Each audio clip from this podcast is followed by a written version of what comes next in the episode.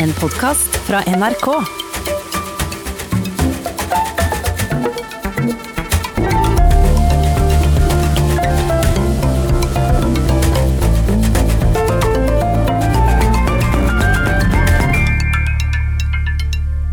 Hjertelig velkommen hit til Tore Sagens podkast Tina Saltvedt. Tusen takk. Veldig stas at du kunne komme. Veldig hyggelig å bli invitert. Du er veldig travel, eh, og det har jeg alltid hatt inntrykk av at du er. Du har alltid vært travel, er det riktig? Ja, altså, jeg klarer vel ikke helt å planlegge så veldig godt, så det blir jo mye. Si ja til altfor mye, men jeg liker å holde på med mye, da. Engasjert. Du eh, er jo da, før vi går videre, sjefanalytiker i Sustainable Finance, eller bærekraftig finans, i Nordea. Eh, Det er jobben din. Ja. Ja, hva, men hva, eh, Du er analytiker. Hva, er du, hva, hva gjør du, liksom? Sitter du og analyserer eh, bærekraftig eh, energi? Ja, altså det jeg gjør, det er jo egentlig veldig forskjellig. Mye eh, rart. Jeg har, som analytiker så er det jo typisk at du skal holde deg oppdatert om det som skjer i markedene. Og det jeg følger mye med på, det er energimarkedene. Fremdeles, Jeg har jo vært oljeanalytiker tidligere. Ja, du har det. Ja, ti år til og med. Så bytta jeg for to år siden til eh, bærekraftig finans. Så Kan man man er- bare hoppe mellom de forskjellige så mye man vil? Nei, Ikke så mye man vil. Nei. Jeg prøvde jo å bytte før, men det fikk jeg ikke lov til av sjefen min. Oh, nei. Nei, han var ikke så interessert i grønn energi. Det tok litt tid før jeg fikk overbevist han om at dette var veldig viktig. Ja. Ja, Så da tok det noen år, faktisk fire år. Eh, Men så fikk jeg til slutt lov, eh, og det er jeg veldig glad for. For det er jo fantastisk morsomt. Det skjer jo så mye i de grønne energimarkedene. Eh, Det er jo der de nye bedriftene kommer opp. Eh, Det er jo det som skal være vekstindustriene fremover. Så det er jo kjempegøy å jobbe med det. Men er det litt fordi det, altså, Nå skal man være forsiktig hva man sier om oljebransjen, for det, det kan fort bli sårt hvis man snakker om oljeskam og sånne ting. Men det, for det er litt bakpå, på en måte. Det, du føler jo det, siden du har hoppet over på denne grønne bølgen? Ja, altså jeg har lyst til å bidra med det jeg kan om, og det er energi, og så kan jeg om eh, kapitalmarkedet eller finansmarkedet. Så hvordan kan jeg være med på å forhåpentligvis dra eh, verden i en litt bedre retning for å nå klimamålene eller for å nå bærekraftsmålene? Eh, Og da tenker jeg at hvor er det kapital må styres? Jo, den må styres mot de markedene vi trenger mer av, og det er jo grønn energi. Ja. Uh, og uh, jeg tar også med litt annet bakgrunn. Jeg er Master of Science i Business ved University of Manchester, Institute of Science and Technology. Er det på en måte NTNU i England, det? Det stemmer, fordi at når jeg gikk på det universitetet, så var det en del fra NTNU som var der. Ja. Eh, nettopp fordi det het jo NTNH, nei, NTH før. Ja. Eh, så de var rundt og besøkte ulike universiteter i verden for å se hvordan de, eh, hvordan de gjorde det. Så etter det så ble det NTNU. Ja, så er, for det der, og Manchester er på en måte Englands Trondheim? Ja, det kan du vel kanskje det kalle det. det. Det, altså. Ja, det er jo det. De beste fotballagene ligger jo i Trondheim, Det er de ligger jo i Manchester, ikke sant? Helt riktig. ja. Eh, Og da tok du også en doktorgrad i valutasikringsstrategi. Eh, Det vet jeg ikke hva er. Det er egentlig når Det jeg så på, var faktisk norske eh, fiskerioppdrettere som skulle eksportere fisk til eh, utlandet. Ja. Og så ser man, ikke sant, hvis du eh, eksporterer fisken din, så tar det jo litt tid fra du inngår avtalen om at du skal sende fisken, til fisken faktisk blir levert og du får pengene dine, betalingen inn på kontoen. Og i den perioden så kan valutakursen endre seg ganske mye. Og hvordan unngår du å tape penger i forhold til den kontrakten du inngikk i, i startpunktet? Ja, Hvordan unngår du det? Det er en hemmelighet! Ja, det er det. Kan få lov til å lese de 300 sidene jeg er skrev om man må gjøre, selvfølgelig. Men eh, for jeg har alltid syntes valuta har vært litt eh, vanskelig å forstå. Jeg forstår f.eks. ikke Nå Krona er jo svak. Det er jo en svak krone. Eller som jeg kaller det, et sterkt dollar. Eller alle andre er sterke. Eh, Men hva er det som fysisk gjør at krona blir svak, eller hvorfor er den Hva er det, som har skjedd? Hvordan, det, hvordan har det foregått? Det er jo litt hvordan eh, man måler seg mot utlandet. Altså Valutakursen er jo egentlig en mål på hvordan vi gjør det i forhold til utlandet. Ja. Men det som er litt eh, underlig nå, da, eh, som det er vanskelig å finne noe god forklaring på, det er jo hvorfor krona er svak når det egentlig går ganske bra i Norge. Ja, så man skjønner ikke helt? Nei, man gjør ikke det. For tidligere, frem til et par år siden, så var krona Den, den gikk gikk, eller styrka seg gjerne når oljeprisen gikk opp, eller den svekka seg gjerne når oljeprisen gikk- gikk ned. Men nå er den ikke så avhengig av oljeprisen lenger. Så det er åpenbart at eh, utenlandske investorer f.eks.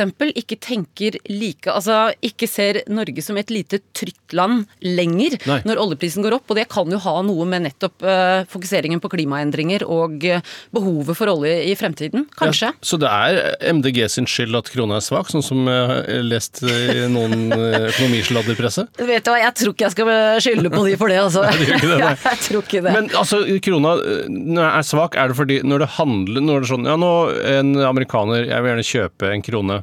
Så sier han nå er jeg ikke villig til å betale mer enn det og det for den. Er det, er det et slags man, Det er sånn man trader valuta, liksom? Så Ja, ikke sant? Det er jo det. For det Er det sånn det funker? Ja, for det er jo en, et tilbud og etterspørsel av kroner. Ja. Så når eh, kronekursen svekker seg, altså Norges, når eh, norske kroner blir svakere, så betyr det at det er et stort tilbud av kroner. Eller Ja. når den styrker seg, så er det et lavere tilbud, eller veldig stor etterspørsel. Så det gjorde jo at tidligere i hvert fall, når da eh, oljeprisen gikk opp, så var det veldig mange som hadde lyst til å plassere pengene, eller kjøpe kroner. Og, da, og det kan jo ha noe med selskapene å gjøre. altså at man, eh, Norske oljeselskaper handler mer med utlandet f.eks., eller andre selskaper handler mer. Eller at eh, samtidig som kronekursen går opp, så har jo ofte renta altså styrka seg, fordi at da går det bra i, i norsk økonomi. Som, som gjør at da har mange lyst til å plassere pengene sine i Norge, for da har du en god rente. ikke sant, At du får mer penger for det sånn sett. Så. Du har ikke noen gode tips til når det er greit å dra på ferie til USA og Europa igjen? Jeg ville i hvert fall ikke dratt nå, for nå er det steindyrt. Ja, men når, det, ganske- når, går, når ordner det seg igjen, da? Ingen som vet? Nei, altså Det er jo ikke sikkert at eh, krona får den posisjonen som den hadde tidligere. I hvert fall ikke i forhold til eh, oljeprisen. fordi at Europa særlig er jo ikke så interessert i olje lenger. Så det kan bli en slags varig endring? Det kan bli en varig endring, at det er et varig skift rett og slett i, Ja. i kronekursen. eh. Og det leder oss litt inn på uh, det som på en måte er tema for denne lille praten som vi skal ha. Uh, og det handler jo litt om uh, at Norge nå er i ferd med å måtte begynne å vurdere hva man skal gjøre med denne oljeindustrien sin. Og, um, da hva skal vi på en måte leve av, er det bærekraftig og alt det der.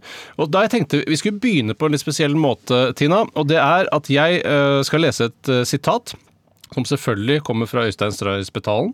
Eh, og han faen eh, til jeg, kan, jeg bare begynner. Han skriver Uten olje blir det helt annerledes å bo i Norge. Uten olje blir Norge Litauen. De kan ta seg en tur dit og se hvordan folk har det der, fnyste kjendisinvestor Øystein Stray Spetalen da Nettavisen møtte ham på Pareto-konferansen bare dager etter valget. Og valget er da forrige kommunevalg, og den meldingen var på en måte til eh, MDG og Lan Marie Berg.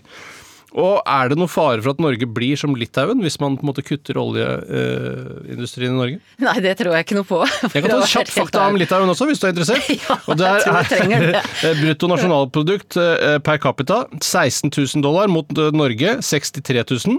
Levealderen er på 74 år, ca. 10 år, nei 12 år. Uh, unnskyld, 8 år mindre enn Norge. Arbeidsløshet på 6,5% Norge 3,9 Og de ligger da på den derre Human Development Index, der hvor vi har toppet nå en stund, på 34. plass. Er det, og, de, og jeg kan ta også ta oljeproduksjonen deres. Ca. 3,6 millioner fat i året, mens vi produserer ca. 2 millioner fat i november. Ja, per dag, faktisk. Ja, Det er såpass, ja. Ja. Hva eh, Tror du det er noe fare for at Norge kan bli som Litauen? Nei, jeg tror ikke det, altså. Jeg tror ikke det. Hvorfor ikke? Eh, Nei, fordi at vi har jo For det første har vi et stort oljefond eh, som vi bruker litt av. Eh, spesielt i de tider som det går dårlig. Det er jo litt for å utjevne økonomien, at det ikke skal svinge altfor mye. Mm. Så kan vi bruke litt av det. Men vi ønsker jo egentlig ikke det, for det skal være en sikkerhet for oss når vi blir gamle. Ja. Uh, og det er jo heldigvis lenge til, men, uh, men vi ønsker jo ikke å bruke av det fondet, for det skal jo være en, en pensjonssikkerhet for uh, fremtidige generasjoner. Pensjons... Jeg skjønner ikke, Hvorfor heter det pensjonsfond? Hva har det med pensjon å gjøre? Nei, det skal jo egentlig bidra, fordi at pensjonen sånn som det er i dag eh, vi, vil, vi vil jo ikke få utbetalt like mye pensjon som våre foreldre gjør. Nei. Eh, og da har man jo satt det til å bidra til å dekke, for at eh, altså, det blir jo flere og flere eldre etter hvert. Det blir færre og færre som kan ta vare på de eldre. Vi, vi vil få flere eldre fordi at folk lever lenger. Så vi må ha mer penger enn det vi får inn eh, på vanlig vis. Og derfor så har vi kalt, eller skal dette fondet da brukes til å dekke fremtidige eh, Det pensjonsforpliktelser. skal brukes til å dekke Det er, nettopp, det er en grunn til at det heter pensjonsfond. Ja, ikke sant? Ja, det blir alltid tenkt å blande pensjonsfond inn. Det kan bare hete generelt fond. Men, eh, men eh, man snakker om det at man, man bruker stort sett bare avkastningen, ikke sant? Eh, er avkastningen og størrelsen på oljeinntektene, altså pengene som kommer inn i fondet, er det ganske likt? Eh, Altså Det man har sagt er at man skal kunne bruke som forventet avkastning. og det har jo, Man har jo endra på egentlig hvor mye man får lov til å bruke. For det første så bruker vi, altså Det fondet har jo vokst mye, mye mer enn det man hadde trodd. Ja. Så nå har man en regel på 3% av forventet avkastning. Og det er jo mye når fondet er på nå 10 eh, 10 Ja, det, er- det er 000 tullete stort. kroner. Ja, 10 000 milliarder. Ja. Men, eh, men hvor mye er det som kommer inn i oljeinntekter, da?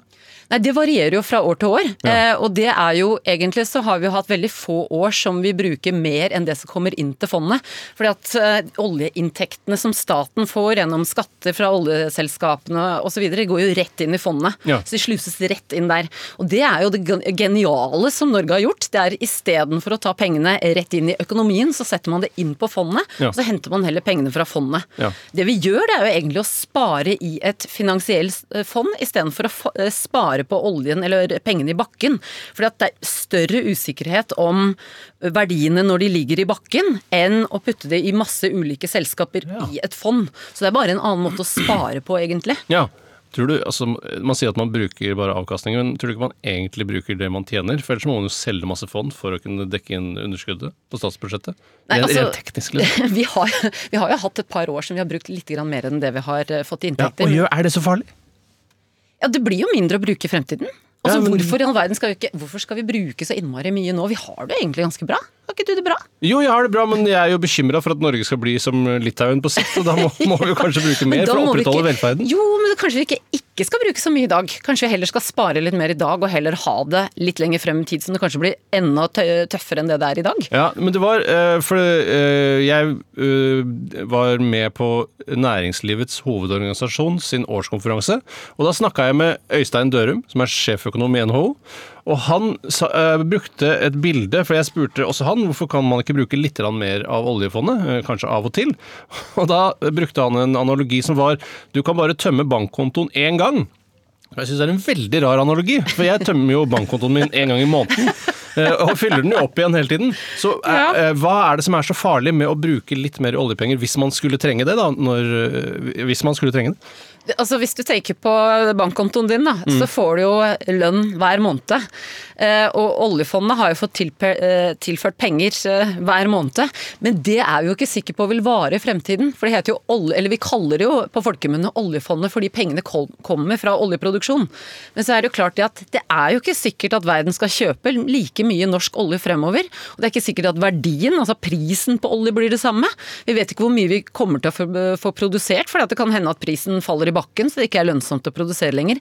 Så vi vet ikke inntektsstrømmene fra olje fremover, og da er det innmari dumt å tømme bankkontoen nå. Det er jo litt som kanskje tidligere at du sparte litt før du kjøpte deg leilighet f.eks., for, eksempel, for det er greit å ha en liten buffer å gå på. Ja.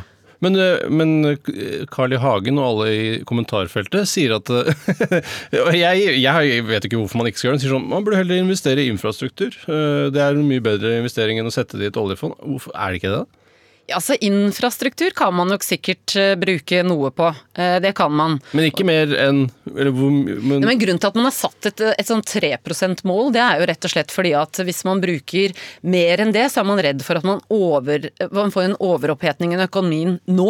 Ja. Eh, og det ønsker man ikke, fordi at det driver jo ofte inflasjon. Det driver altså eh, prisene på ulike varer. Ja. Fordi at hvis du får økt, altså hvis lønna di øker veldig, veldig mye og veldig fort, og den gjør det for veldig mange, så vil du ha mye penger å rutte med, og så vil du kjøpe flere eh, varer og tjenester.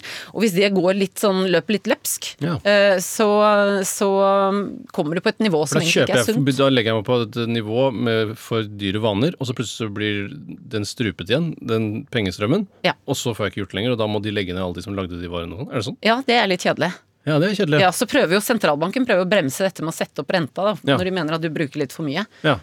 Men, det, men hvor, hvordan vet man hvor grensa ligger da? Nei, Man har jo regnet på dette og ser at eh, det, det nivået på å bruke 3% av eh, forventet avkastning, det er et sånt ok nivå. Ja. Men så ser man jo det at dette fondet har jo vokst enormt, ikke sant. Så det er jo veldig mye penger som kommer inn.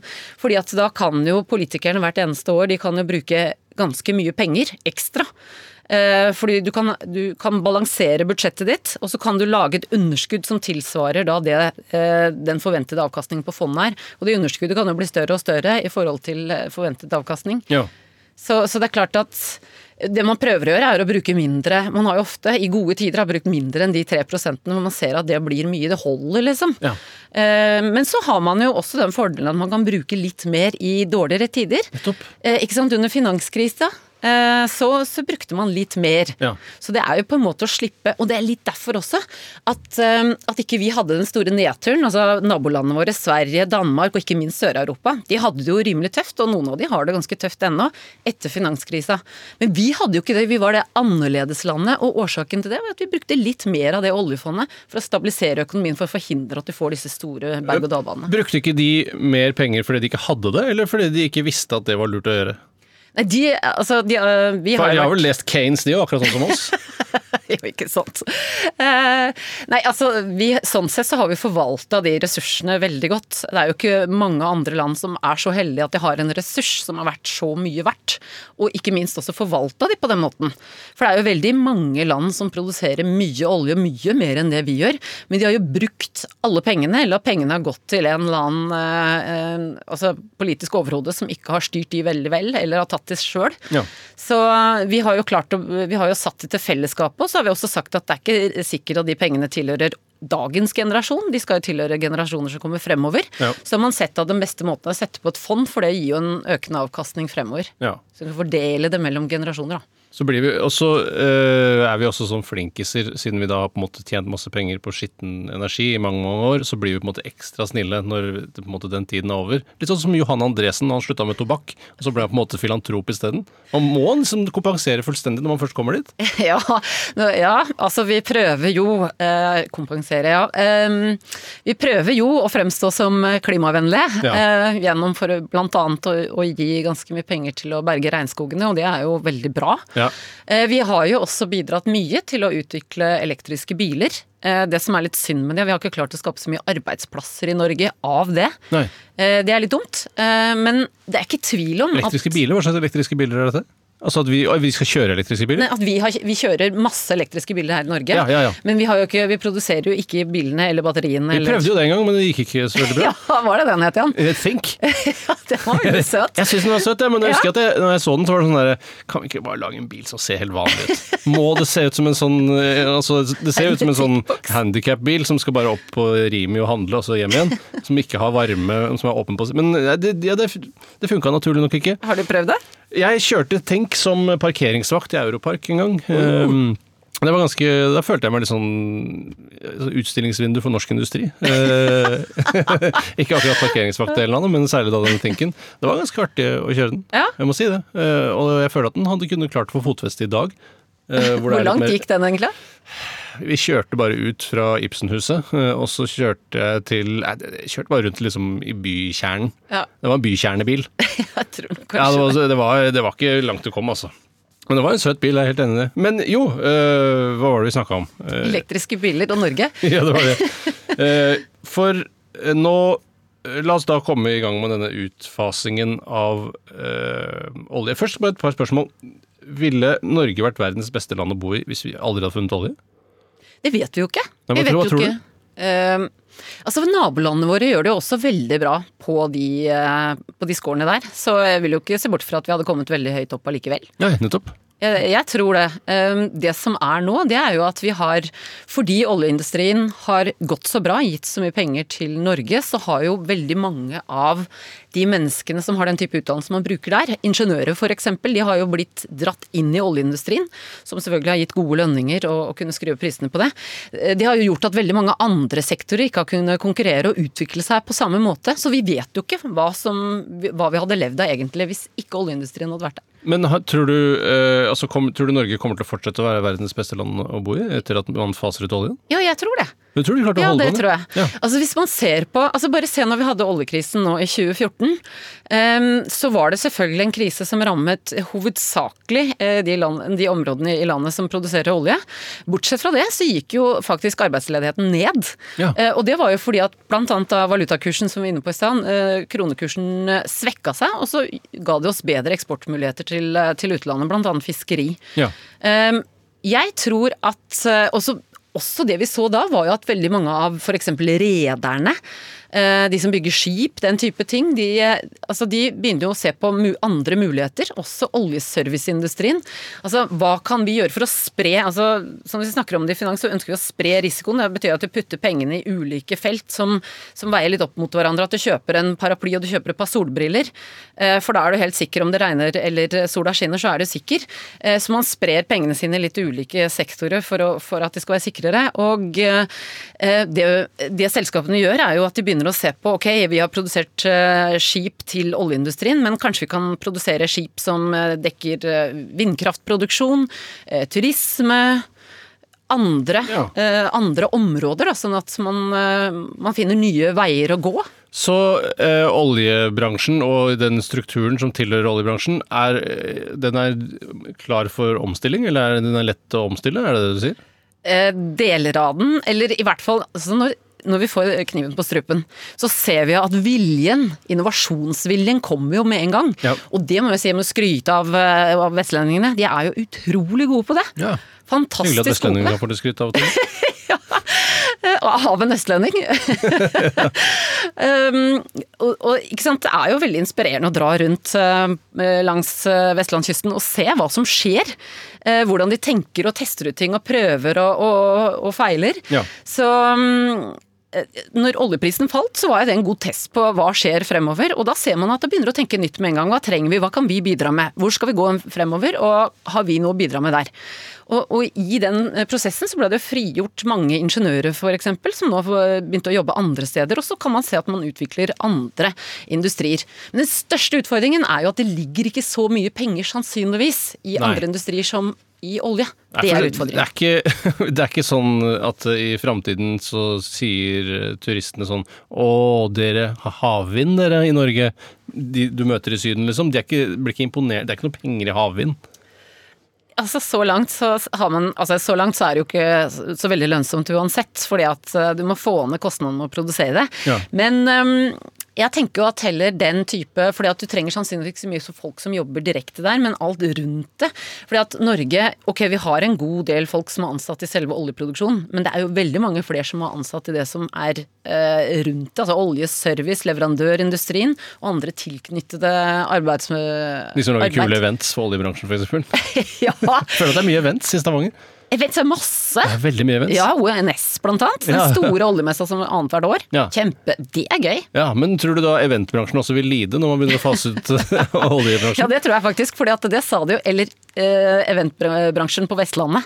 For her eh, vet du, på Østlandet så gikk det jo bedre, og i Nord-Norge så gikk det jo bedre. Men du har litt koll på eventbransjen rundt omkring også? Ja, det er bare å følge eventbransjen, Ja, så det. ser du hvor det skjer. Ja, det er sant det. Ja. Eh, Men ja, for å snakke om dette da, havvind og solceller, og, så er det sånn, ja det, det er framtiden, men du jobber jo da i, innen finans. Er det noen som gidder å satse på dette, og satse masse penger på dette? Vet du hva, det er faktisk eh, i hvert fall i Norge frem til nå, så er det ikke nok prosjekter innen, eh, innen bærekraft og grønt til å dekke egentlig etterspørselen. Gjør de det fordi de har høy moral, eller gjør de det fordi de faktisk tror de kommer til å tjene penger på det? Nei, Det er nok det aller siste, tror jeg, aller, eh, aller først. Ja, for sånn er det alltid i finansbransjen. Det er ingen som liksom gjør noe for å være grei. Der kan man alltid lese ut at ja, nå virker det som det faktisk er noe i det å satse på fornybar energi. Det fins et hjerte i finansfolk Det gjør det, ja, ja, det gjør det. Tro det Men da er de altså. allerede superrike før hjertet dukker opp. Eh, nei, altså Det vi ser, eh, altså det både og, men altså det man ser er jo at den økonomiske modellen vi har hatt så langt, den går jo på bekostning av hvordan eh, Altså jordas tåleevne, eh, og egentlig hva som er lønnsomt på lang sikt. Eh, Så det vi ser er jo at når vi har eh, Vi i finansbransjen tenker veldig kortsiktig. Vi tenker gjerne kvartaler eller ja. halvt år eller et år fremover. Eh, Sånn som Jeg sitter jo i et meglerhus, der tenker man jo kanskje bare minutter fremover om det er så.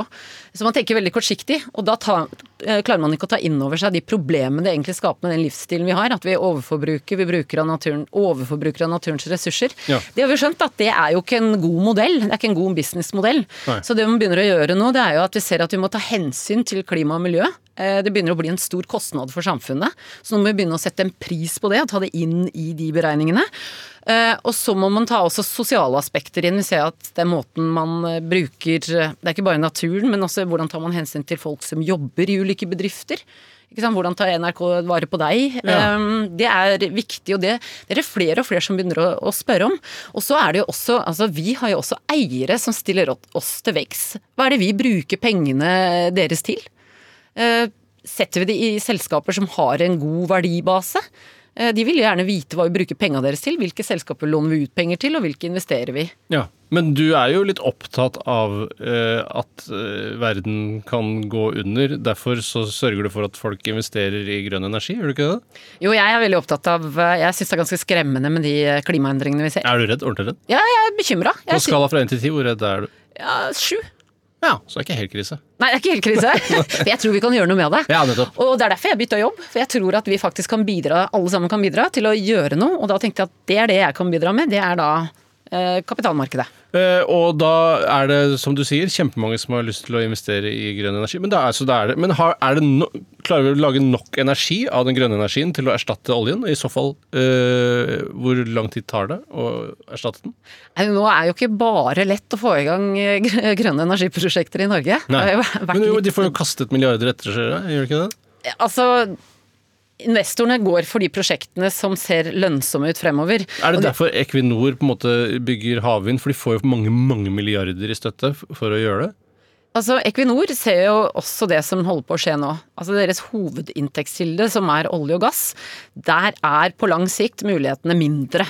Vekstmulighetene faller jo fremover. Det må vi jo håpe, rett og slett av den grunn, hvis ikke når vi ikke klimamålene. Nei. Og så begynner vi å se ok, hva kan vi da? Jo, vi er gode på energiproduksjon. Vi er gode på store, ikke sant? Vi er gode på store prosjekter, særlig til havs. Ja.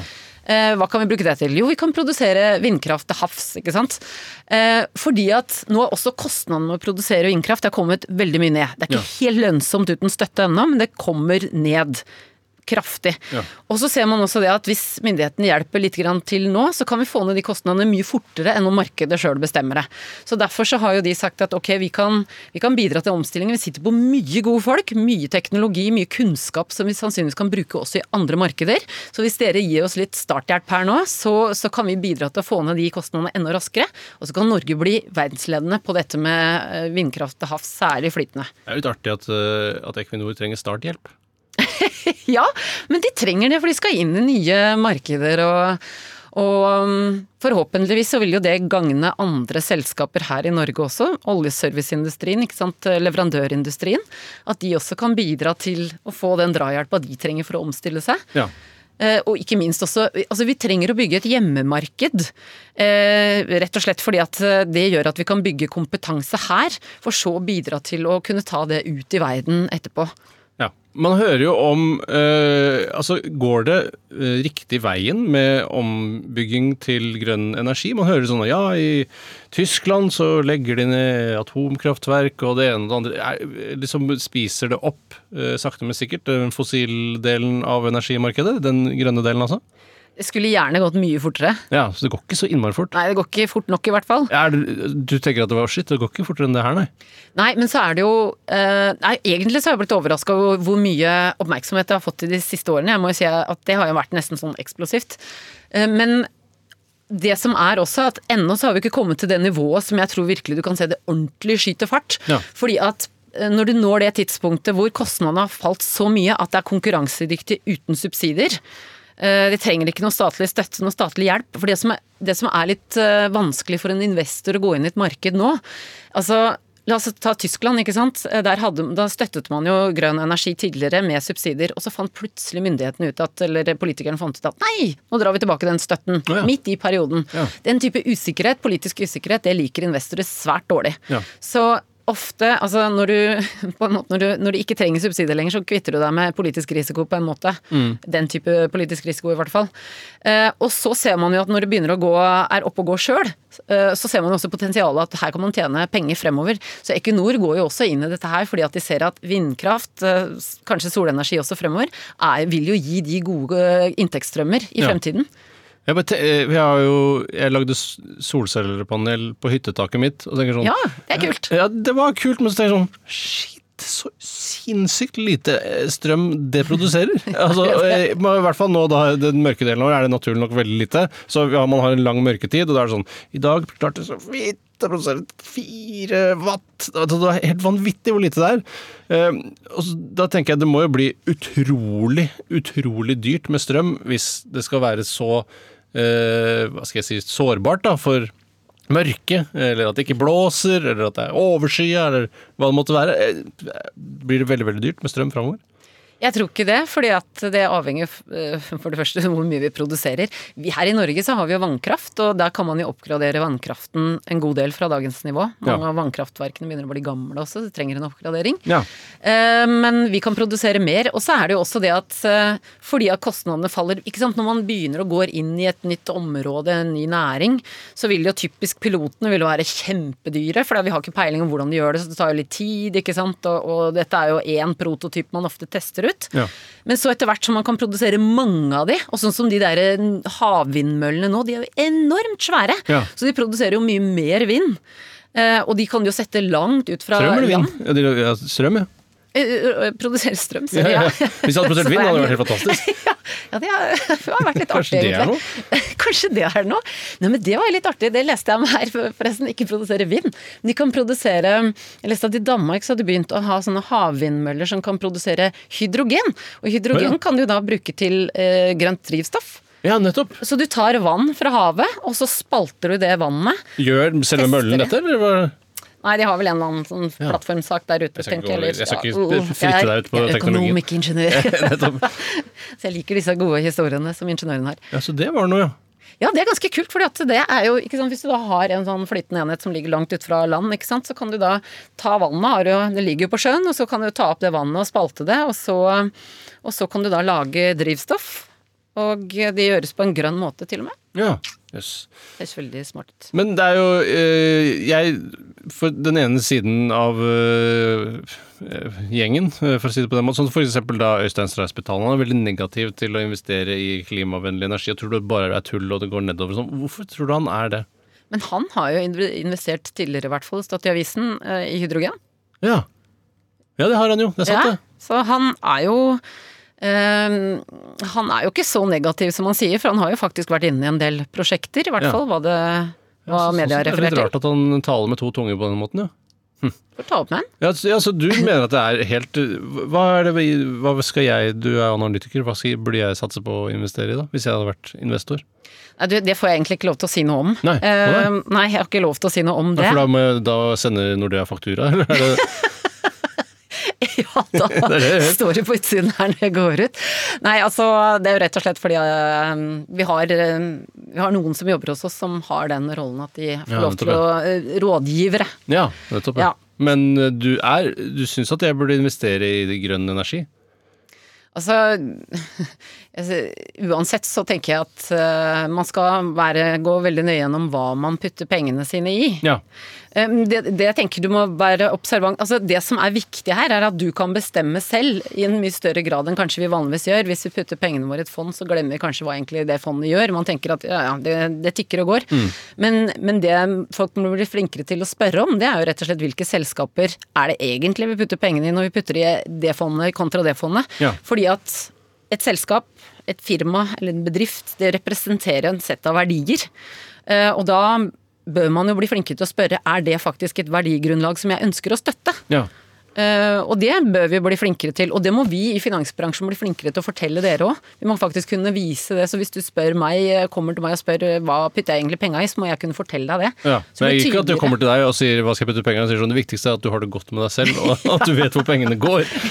Men man ser jo f.eks. på eh, Jeg bare gikk inn for å kjapt kikke på hvordan det går med f.eks. olje- og oljeserviceaksjer. Det går ikke så gærent. Nei, det gjør jo ikke det. Altså, Surrer og går, liksom.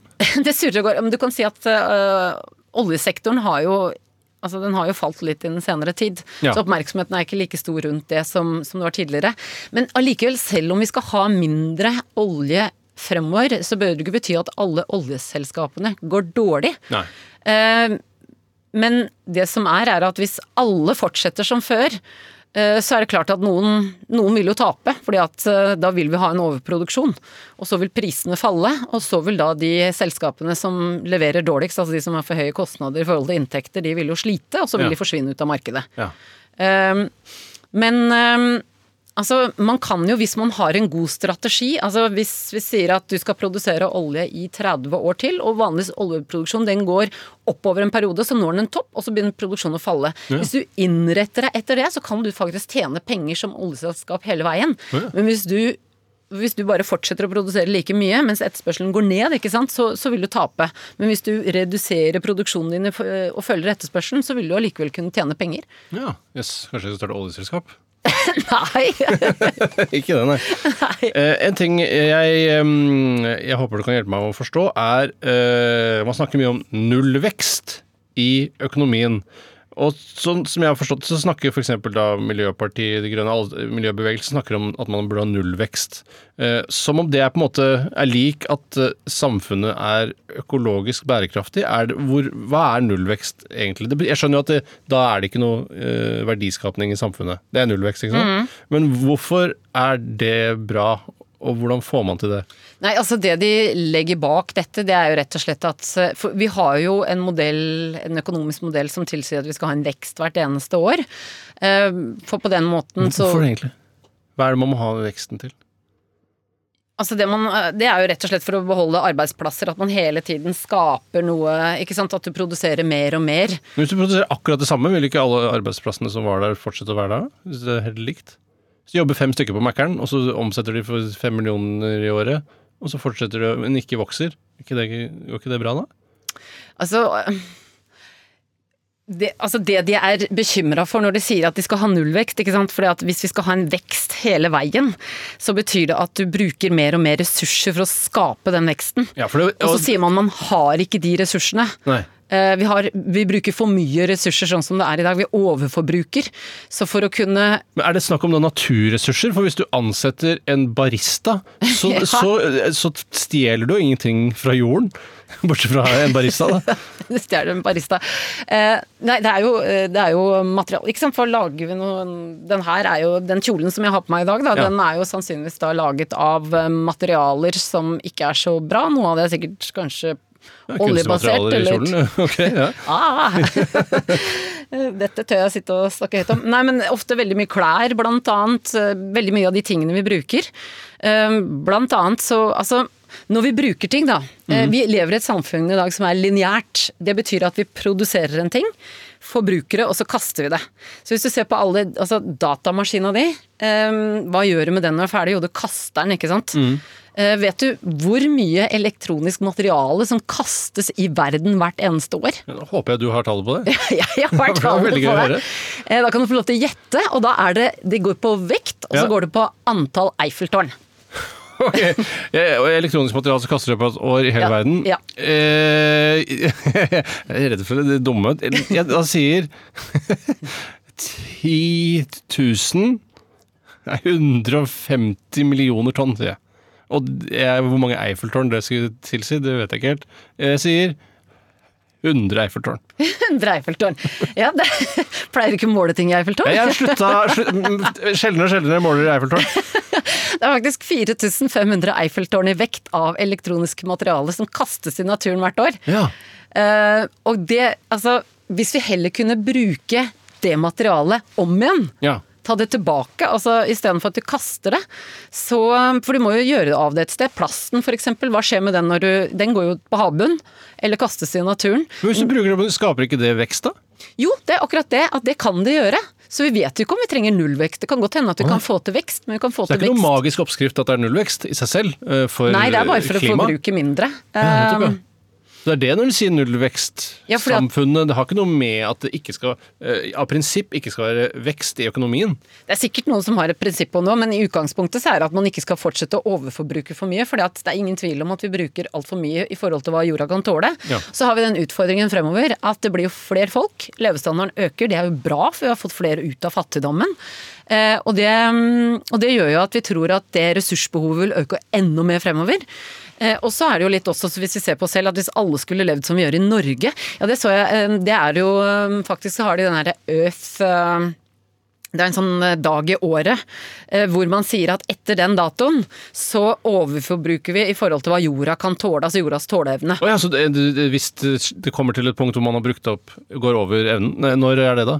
Ja, og den, den datoen, den, eh, den begynte man å måle det her i 1970, og grunnen til det var det da begynte man å overforbruke. Da begynte man, ikke sant, 1970 var det liksom 31. desember. Ja. Nå i år så var det flytta alt som vi brukte etter 31. juli.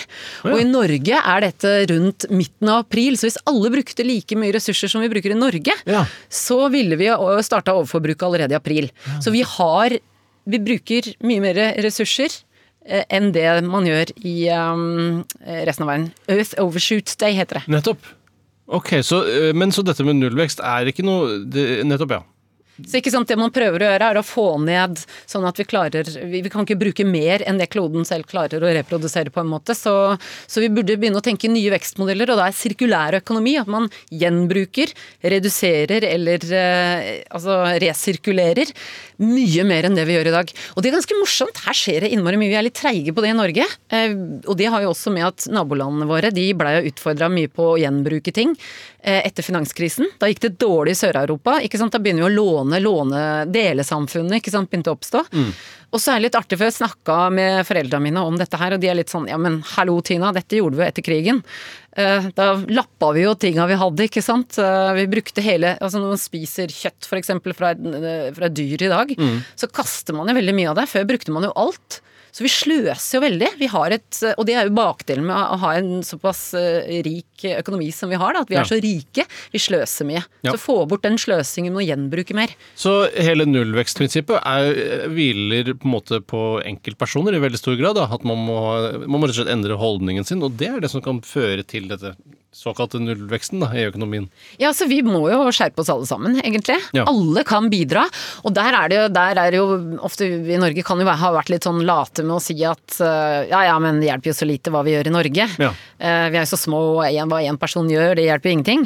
Der tenker jeg et veldig godt eksempel på at det er egentlig bare tull. Eh, Det er jo Greta Thunberg. Hva én liten jente kan, kan klare. Mm. Ja. Da klarer jo vi som voksne personer å bidra litt, grann, vi også. Jeg synes det det var veldig rart når, For det var et argument man brukte mye når man var liten, at det er sånn derre ja, Altså, jeg fly, fly går uansett. Eh, men som jeg tenkte sånn det, det er vel ikke en argumentasjon som voksne bruker, men det viste seg at det var veldig vanlig.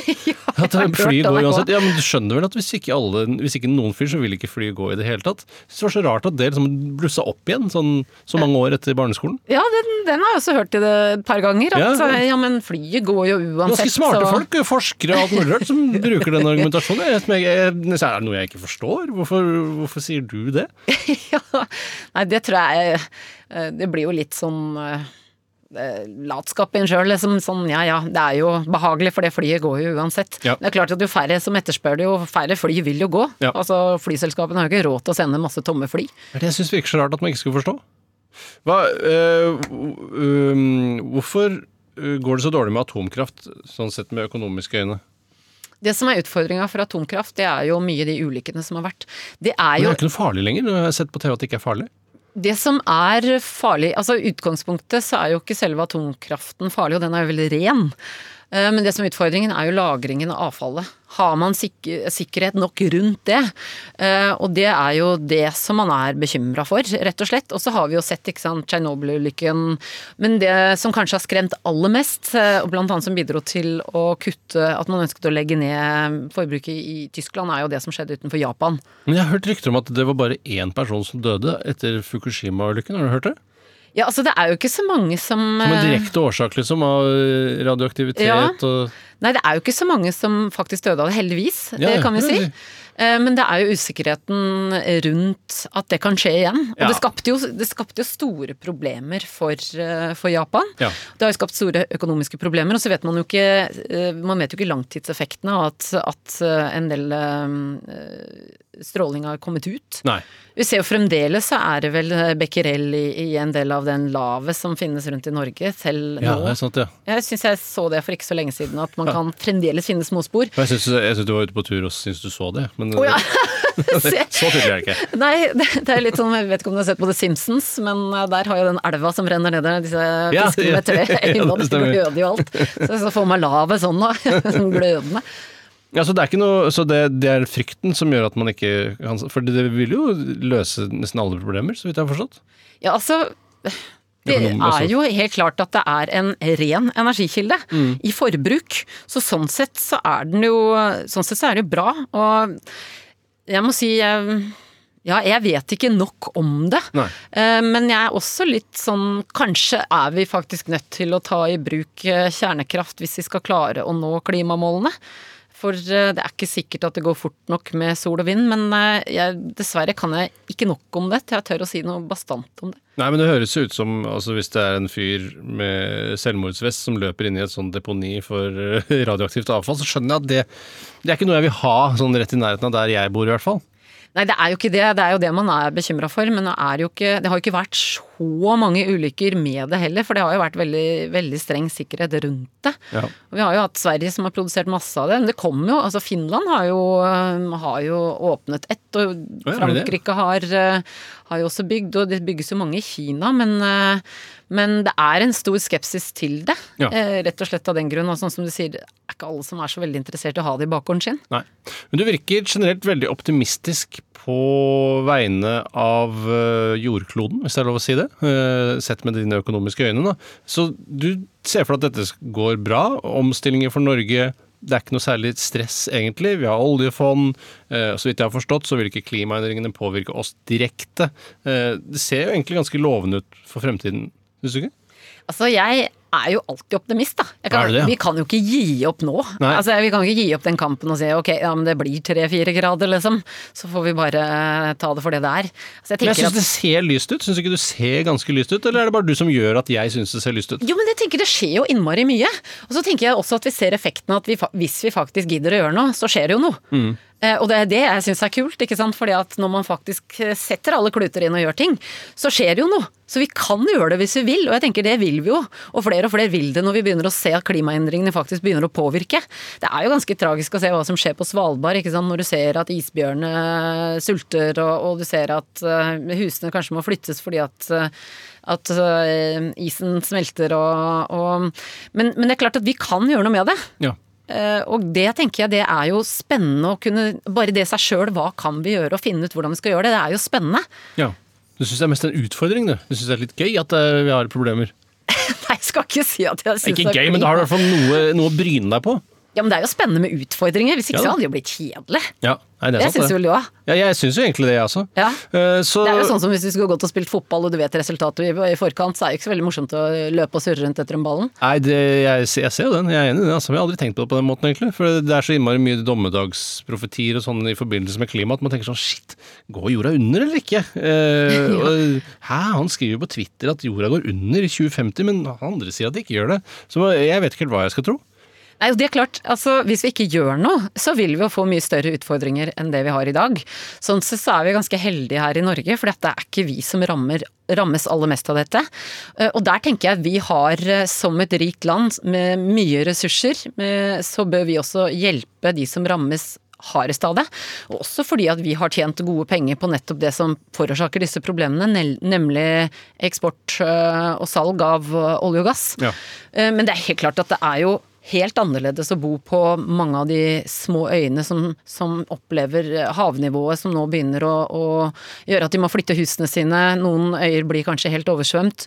Du ser at tørken kommer. Australia nå, jeg skal ikke si at det er klimaendringer, for, uh, skyldt av klimaendringer. Men du sa det på Cicero, at det var pga. klimaendringer. ikke sant, I hvert fall tørken som gjør at det sprer seg kanskje enda mer enn det ville gjort ellers. Ja. Så disse, disse utfordringene her, de er skremmende. Eh, og det er jo de utfordringene som vi må sette oss ned og gjøre noe med, og det kan vi hvis vi vil. Og det er det jeg tenker, eh, det er der optimismen kommer fra også. For det, det veier eh, til syvende og sist på hva vi ønsker å gjøre, Ja. og det kan vi. Ja. Det, så hvor fort er det mulig å legge ned norsk oljeindustri? Nei, altså jeg tenker jo øh, Altså det vi kan gjøre noe med, det er jo at På en øh, hyggelig måte for alle, da. På en hyggelig måte. Jeg, jeg tenker jo utgangspunktet at det som er satt i gang, det er jo sånne små melkekuer som står der. Fordi at de største kostnadene med å produsere olje og gass, det kommer før og i oppstartsfasen. Men når de har produsert den i eh, noen år, så er det stort sett inntekter. Eh, altså kostnadene med den daglige produksjonen, eh, den er ikke så veldig høy. Så det er liksom når du skal drive og borer og skal prøve å finne ny olje, og før du får starta opp, og de første åra, så er det før du liksom får justert alt og tilpassa alt, så er det dyrt. Ja. Og det er mye mer folk som er ansatt rundt der og sånn, men etter hvert, når det bare står og tikker og går, så, så koster det ikke så mye. Nei. Så jeg tenker at det, det vi må bestemme oss om vi ønsker å gjøre, det er hvor mange nye felt ønsker vi egentlig å sette i gang. Trenger vi flere? Eh, Og i Norge så snakker vi veldig mye om at dette er et politisk, eh, en politisk valg. Eh, Det er det jo også. Men vi glemmer ofte, veldig ofte syns jeg også, å se på den andre siden. Altså hvor lenge vil faktisk folk kjøpe norsk olje? Ja. Det er jo ekstremt viktig. Eh, Europa, eller EU, har jo nå vært Altså la jo frem før jul en veldig ambisiøs klimaplan. Og, de har jo også foreslått å endre klimamålene sine fra et 40% kutt i eh, 2030 til eh, nærme seg 50-55. De er ikke godkjent ennå, men de har lagt opp en, i, hvert fall eh, er veldig ambisiøse om hva de kan klare. Og da tenker jeg at EU er jo det, den verdensdelen vi eksporterer aller, aller mest til. Hvis de er så eh, ambisiøse, eh, så kan ikke vi tro at vi er annerledeslandet veldig lenge. Nei. Vi er veldig avhengig av hva de gjør. Hvor, hvor lenge varer, varer eventyret? Jeg tror jo at eh, de, en del av de Nå, nå kommer jo snart Eller Johan Kast... Nei, Johan Sveidrup ja. har jo akkurat begynt. Johan Golden tenkte du på. Når det feltet åpnes, da er det på tide å runde av. Jeg har ikke spurt han om han. Jeg har tenkt å Ja. Eh, Nei, altså, Johan Sverdrup åpna jo akkurat, og det kan jo stå rulle og gå i 50 år, ikke sant. Eh, Jeg tror du kommer til å gjøre det.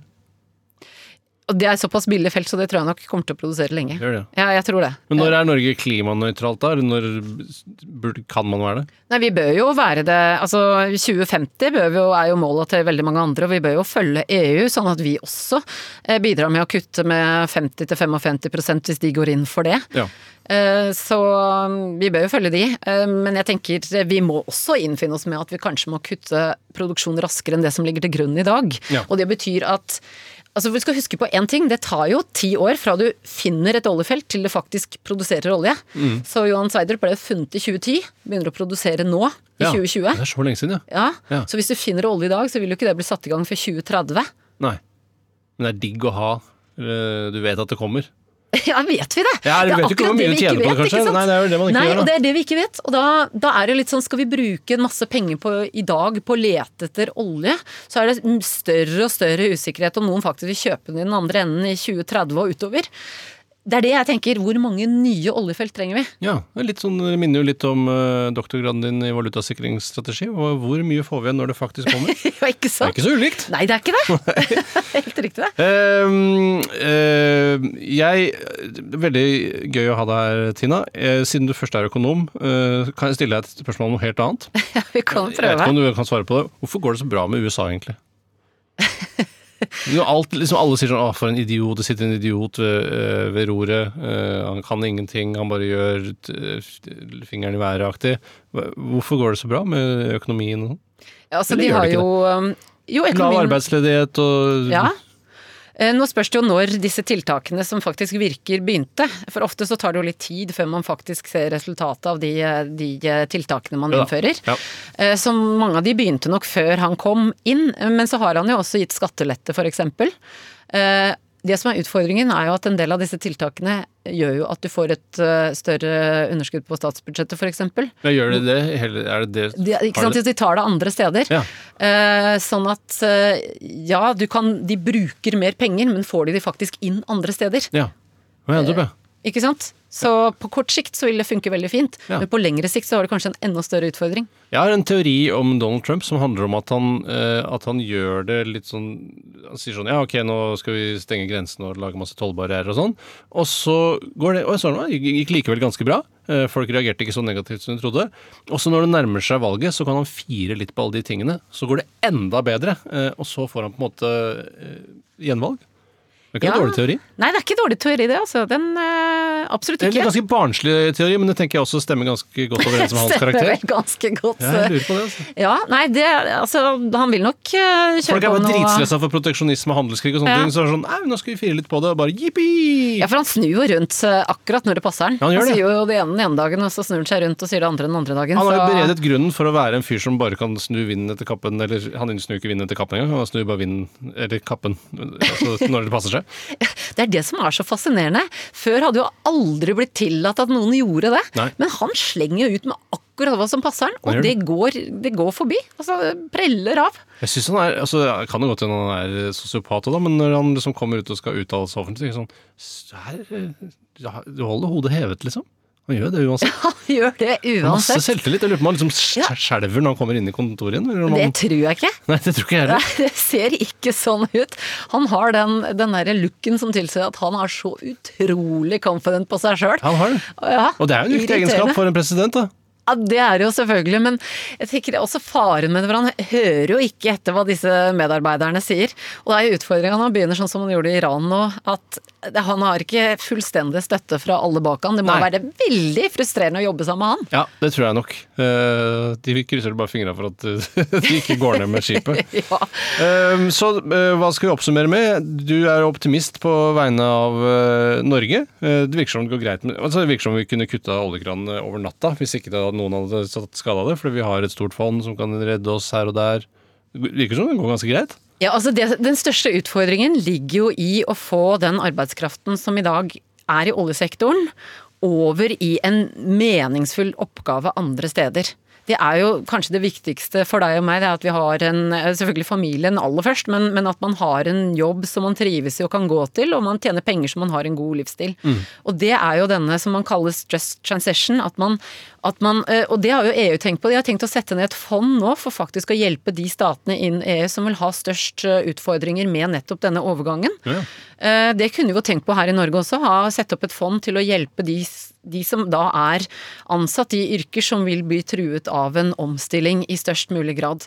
Eh, Fordi at det er ikke tvil om at noen vil bli ramma. Jeg ser det i min egen sektor, ikke sant. Den Ja. er jo utfordra allerede, finanssektoren. Vi har jo Er det roboter som tar over? er det? er roboter, men fra finanskrisa så er jo 10 av arbeidsstokken er jo borte. Men det går jo ikke 10% økonomer og surrer rundt på gata, ikke sant. nei. De har jo funnet nye jobber. Ja. Eh, Det som er utfordringen er jo de som kanskje ikke har noe utdannelse, eller eh, er veldig satt i en retning. Hvordan får man endret eh, Altså kan man drive med etterutdanning, eller hvordan hjelper man de? Ja. Eh, For ellers er jo, det så vi under eh, oljekrisen, at veldig mange fikk jo jobb fort. Ja. Oh, ja. Det er ikke sikkert at jobben betaler like mye, Nei. men de var tilbake i arbeid i nye jobber ganske fort. ja, for det å være ingeniør i Nordsjøen og jobbe på kaffebrenneri, det betaler ikke like mye. Nei, du vet hva, det var jo kanskje Det var, var det i 2012, tror jeg det var sommeren da, så var det jo streik i Nordsjøen. Eh, Og så gikk det jo nesten til lockout. Ja. Og jeg har aldri hatt så mange telefoner med utenlandske journalister som spurte hvordan i all verden kan oljearbeiderne i Norge streike? De, de jobber to uker på, fire uker av, og over en mill i snitt i lønn. Ja. Hva var det de ville ha, egentlig? Hva var det Nei, det var noe Nei, jeg husker ikke helt hva den konflikten gikk ut på. ikke Eh, iPod. Nei, de, de har jo ikke lov å ta med seg sånn eh, mobiltelefoner ut på Jeg har ikke med seg mobiltelefon på pla- Jeg har aldri vært på plattform. jeg. Jeg har vært så heldig å få være der en gang. Du så- må jo ha vært oljeanalytiker, skulle Ja. mangle. Ja, jeg har vært der en gang, og da, og da måtte man legge igjen eh, Da legger man igjen eh, mobiltelefonen på, på land. Mm. I sånne små skap. Ja, Hvorfor er det så strengt? Em, sikkert noe med sikkerheten å gjøre. Altså Én ting var jo at eh, dette er jo elektroniske apparater, så man er jo redd for at de skal ta fyr. ikke sant? For det er jo ekstremt. altså Hvis du har en gasslekkasje f.eks., mm. så er det jo alt sånn tennbare ting er jo sånn, kjempefarlig. Em, men så er det jo også veldig sensitivt, mye av det som skjer der. Har de gjort et stort funn, ikke sant, Ja. så vil jo det ha en voldsom Tvitrer du om det med en gang? Ja, det, ja, ikke sant? Hvordan, så, hvordan tok du deg ut i sånn kjeledress? Jeg, alltid, jeg, jeg kvier meg for å reise på plattform, for det ser så rart ut i kjeledress. Jeg syns jeg så helt fantastisk ut i kjøledress. Det er jo inn nå.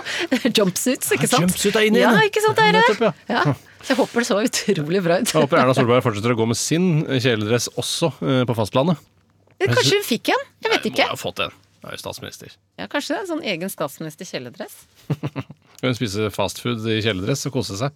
Hun er veldig glad i fastfood. vet du. Det vet jeg ikke. Nei, det var når det brant i det parkeringsanlegget i Stavanger. Så var jo, har du ikke fått med denne kontroversen? Så var det at hun eh, sa sånn Ja ja, da tar vi bilen. Er det noen som har tips til et godt sted å spise fastfood? Uh, og så ble det jo da litt reaksjoner for det her. Hva tenker du Altså, nå brenner det Det brenner faktisk i et parkeringshus. Tenk litt på det, da. Ikke bare tenk på fastfood nå. Uh, så hun fikk kritikk for det. Og husker jeg reagerte mest på hvorfor er det så viktig at det er fast food? For Hun skulle da kjøre hele veien fra Stavanger via Kristiansand. Det, Hvor skal jeg spise fast food på veien? Kan, må det være fast? Kan det ikke bare være vanlig Slow food? Ja, eller slow food. Som Det var god tid å spise det på, tenkte jeg på. Ja. Ja.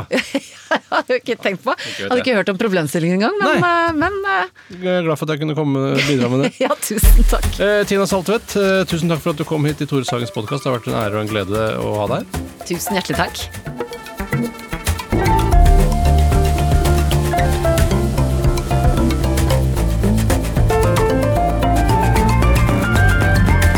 Du har hørt en podkast fra NRK. Hør flere podkaster og din NRK-kanal i appen NRK Radio. Hei, jeg heter Joakim Førsund, og det siste året har jeg snakka med flere av dem som reiste inn i den blodige borgerkrigen i Syria. Og resultatet er blitt podkasten Det svarte flagget. Du finner den og de andre podkastene NRK har laga, på appen NRK Radio.